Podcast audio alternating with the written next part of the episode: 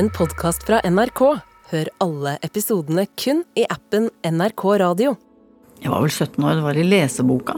Så vi, altså skulle vi lese dette diktet høyt i klassen. Og da var det akkurat som om um, Det var en slags liten åpenbaring, en sånn epiphany. Jeg tenkte ja, men herregud, det er jo mor og far. De to stakkars menneskene der. Sissel Gran er i ferd med å fortelle en historie som illustrerer akkurat det vi prøver på i denne podkasten, nemlig å prøve å forstå hva det er som gjør at noen ord, noen setninger på et ark plutselig åpner seg og blir betydningsfulle for eh, den som hører dem. Og det var jo akkurat det som skjedde da, da Sissel Gran satt som elev på Theisen videregående skole og plutselig fikk høre Inger Hagerups dikt Episode.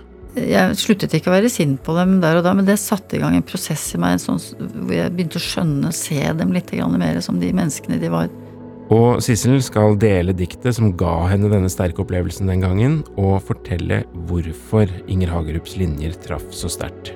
Det snakker til parterapeuten, men det snakker også til meg, og har snakket til meg fra jeg var 17 år. Så det ligger en historie i bånn der om hvorfor dette snakket så veldig til meg. Og det tenkte jeg kunne dele med deg, rett og slett. Kan du lese det først, i hvert fall? Ja, det kan jeg godt. Det var på ingen måte noen trette.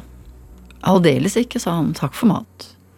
Ordene falt høflige og lette og blinkende av gammelt islagt hat. Og vel bekomme, svarte bare hun. Så skjøv hun stolen inn til spisebordet mens hennes smale, sammenknepne munn bygget en uforsonlig mur bak ordet.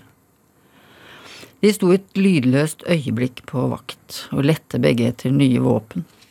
Den spisse setningen de skulle sagt den aller siste beske, lille dråpen. Hun følte ordene bli giftige til. Den gule fryden ved å kunne såre slo ut i henne, hensynsløs og vill.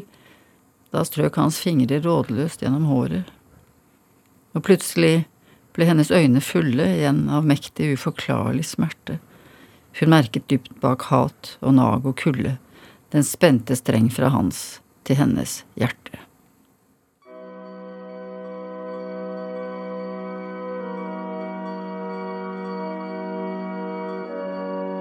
Jeg syns også starten her er så snedig og fin, dette her med at eh, på diktet til Inger Hagerup det var på ingen måte noen til rette. Hvorfor er det nødvendig å, å, å si? Det var ikke noe krangel, Nei, egentlig. Ja, aldeles ikke, sa han takk for mat, ja. Og ordene falt høflig og lette og blinkende av gammelt islagt hat. Nei, det er jo den Her har du jo inntrådt i dette ekteskapet her en um, kulde. En, kanskje en ta avstand og en sånn taushet. Og under der ligger det jo lag på lag av skuffelser. Eh, så disse behøver ikke å rope til hverandre for å såre hverandre. Kan bare si en setning eller bare trekke seg unna. Ja, og det, det er det dette diktet beskriver så fantastisk. At de skal så lite til før de havner der. Altså Hvor begge da blir på vakt. De sto et lydløst øyeblikk på vakt. Jeg hadde jo et foreldrepar som drev på sånn som dette her. Eh, og det slo inn i meg, altså som en sånn erkjennelse av at eh, det er jo de to stakkars folka der hjemme som holder på med dette her. Diktet handler om dem. Det handler om dem. Stakkars moren og faren min. Som sitter fast i dette her, og som uh, herjer med hverandre og ikke skjønner noen ting. Er det det all den derre tausheten og um, sinneutbruddene og Bak der så ligger det noe som er større enn lykke, for å si det sånn.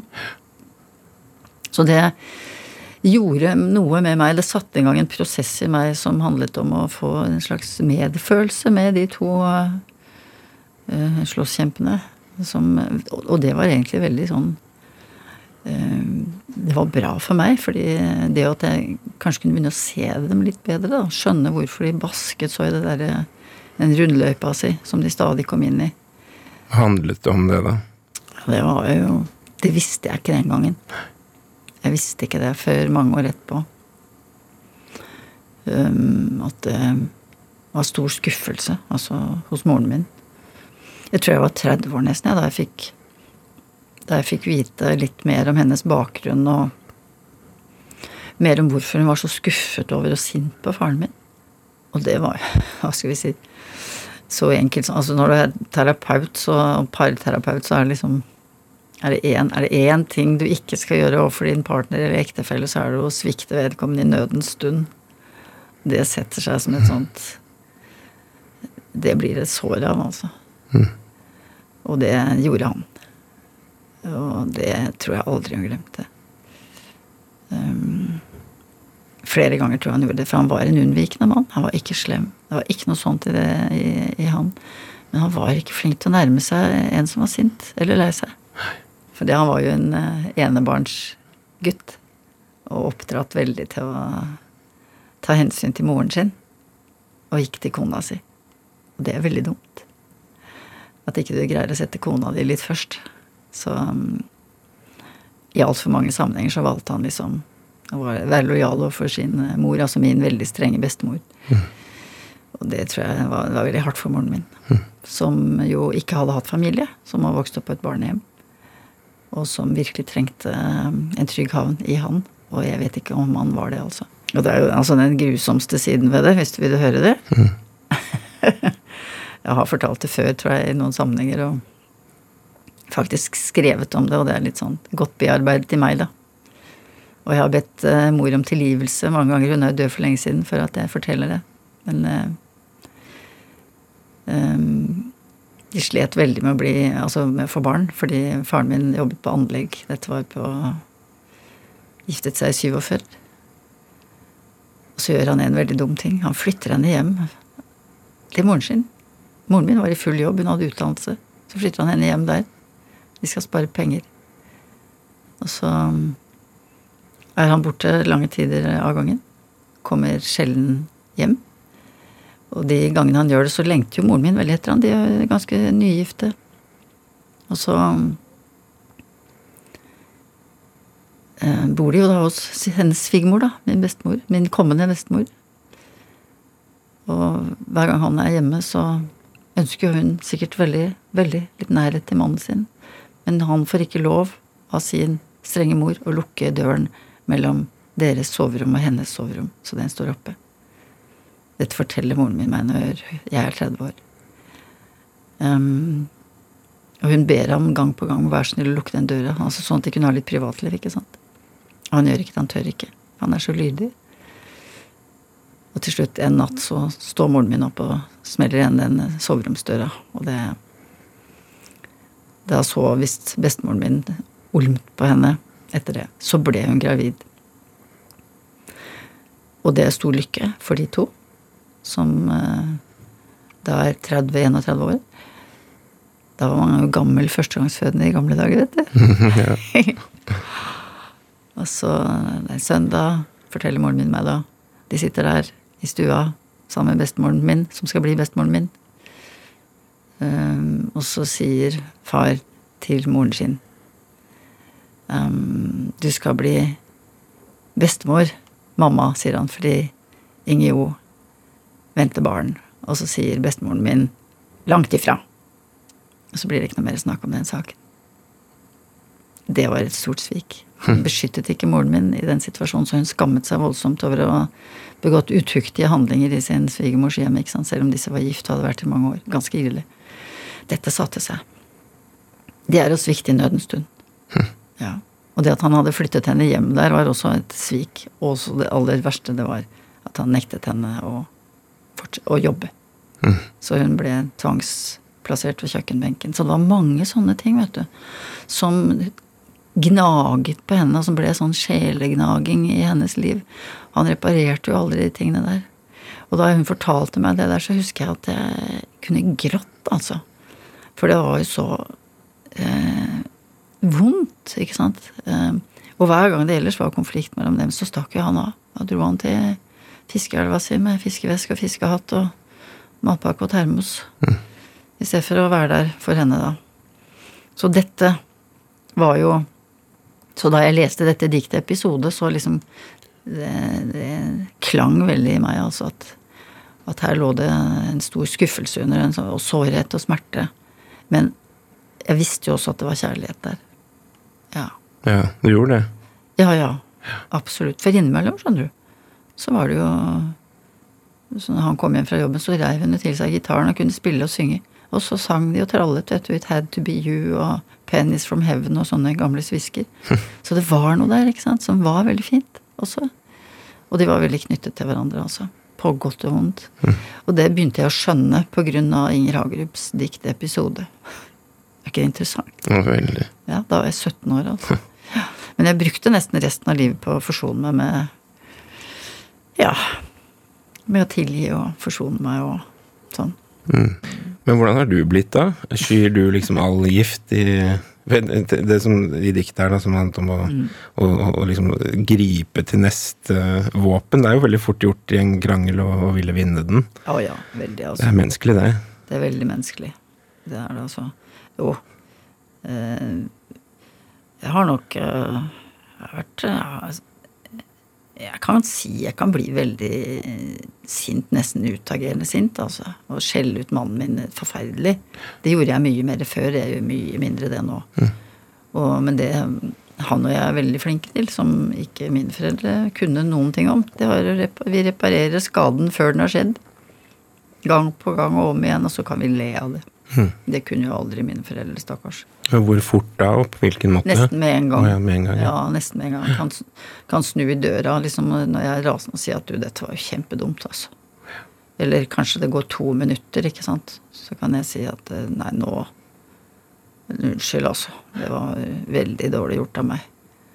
Å si sånn og kalle deg ditt og datt og Det er jo nesten det diktet, på en måte, der hvor de henter seg inn i, Ja. i realtid lite grann, eller får en annen tanke. Ja, altså, det- og det som er fantastisk med det diktet, det er jo hvordan Det som gjør den store Altså lager vendepunktet i dette diktet um, Altså Altså, de sto et lydløst øyeblikk på vakt, ikke sant, begge to, og lette begge etter nye våpen. Det er jo den spisse setningen de skulle sagt, den aller siste beske lille dråpen, ja. Og så kjenner de altså hvordan ordene liksom får, Det ligger på tunga, du skal til å si det, ikke sant. Og så er det dette fantastiske som skjer. Og det er ikke sånn at han um, At han, altså, at han stryker fingrene gjennom håret, men hun skriver da strøk hans fingre rådløst gjennom håret. Hun ser det, ikke sant, at han blir helt fortvilet. Han greier ikke å si det, men den, hun kjenner ham så godt allikevel, ikke sant. Og da er det som om de sier poff. Og så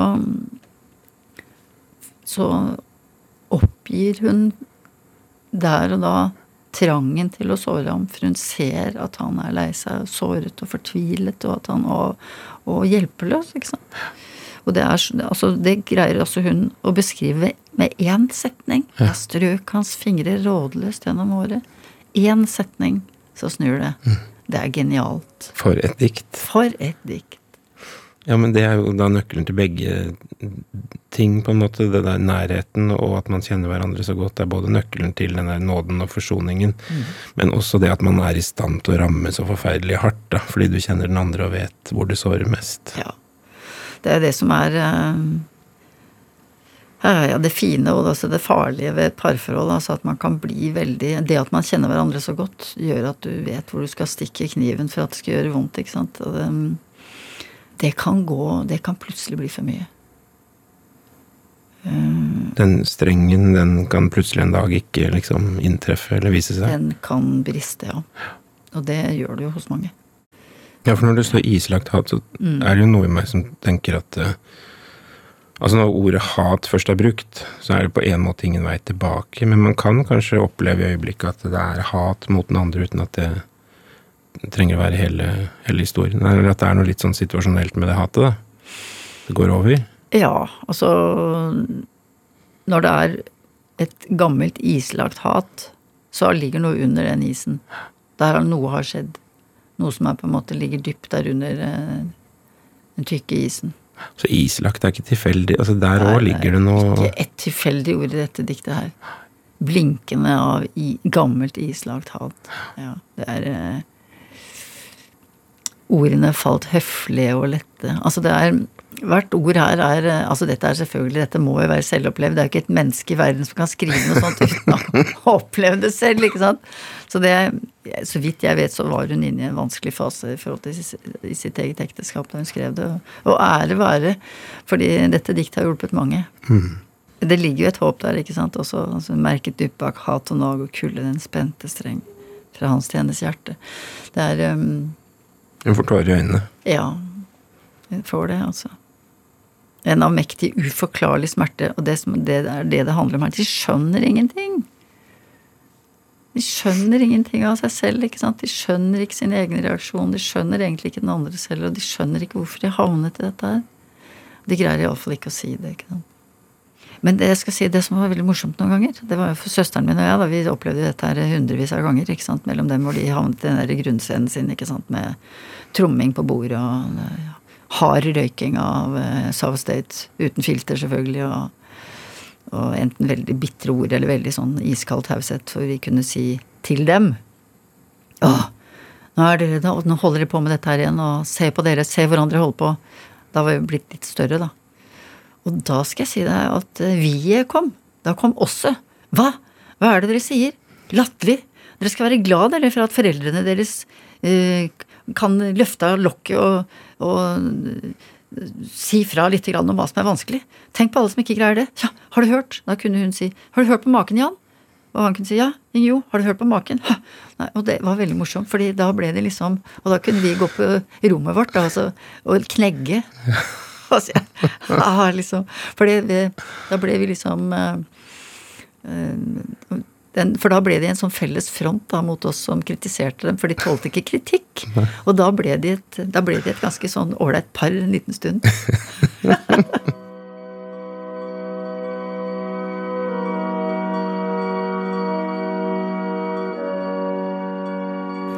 Så du skjønte han etter hvert òg, da? eller? Faren min, ja. ja. ja. Bevares. Han ble jo mye eldre enn mor. Han ble 94, så jeg husker han Da var hun død. At han spurte meg Vi hadde det vel bra, mor og jeg? og da Ja, da var han Han var nærmere. Han var 90 da, tenker jeg. Da han og da husker jeg, da tenkte jeg at da kunne jeg jo smelt i ansiktet på han at nei, det var mye smerte i det ekteskapet. Men da sa jeg det er klart dere hadde veldig mye bra. Dere hadde et veldig rikt ekteskap, far. Og da sa han ja, det var det jeg tenkte, det var det jeg visste. Ja. Rørende. mm. Hvorfor, hvordan, altså Hvem var jeg som skulle liksom rasere hans mm. Ja, ikke sant. Det er vanskelig. illusjon om, om Eller hvis man først kommer dit. Ja. Hm. Men uh, jeg sitter her og, og, blir rørt. Jeg vet ikke helt hvorfor det virker så sterkt, men det er uh, Det er vel det håpet lite grann, da. Mm. At, uh, at ja. det er såpass til liv i tilgivelsen og, mm. og sånn. Ja. I alle ja. sammenhenger. Det ligger jo, Husk på det at det ligger jo en veldig frigjøring i det. Fordi det å gnage på urett, altså som foreldrene dine da har begått, da, uten at de visste det selv Og de var veldig knyttet til hverandre, altså på godt og vondt. Mm. Og det begynte jeg å skjønne pga. Inger Hagerups diktepisode. Ja, da er det på tide å hente seg litt inn her, for nå skal jeg lese dette diktet som du har delt, uh, Gran, som heter uh, Episode, og som det er skrevet av uh, Inger Hagerup. Det var på ingen måte noen trette, aldeles ikke, sa han, takk for mat, og ordene falt høflige og lette og blinkende av gammelt, islagt hat. Og eh, vel bekomme, svarte bare hun, så skjøv hun stolen inn til spisebordet, mens hennes smale, sammenknepne munn bygget en uforsonlig mur bak ordet. De sto et lydløst øyeblikk på vakt, og lette begge efter nye våpen. Den spisse setningen de skulle sagt, den aller siste, beske lille dråpen. Hun følte ordene bli giftig til, den gule fryden ved å kunne såre, slo ut i henne, hensynsløs og vill. Da strøk hans fingrer rådløst gjennom håret.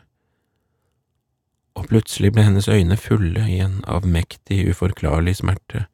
Hun merket dypt bak hat og nag og kulde den spente streng fra hans til hennes hjerte.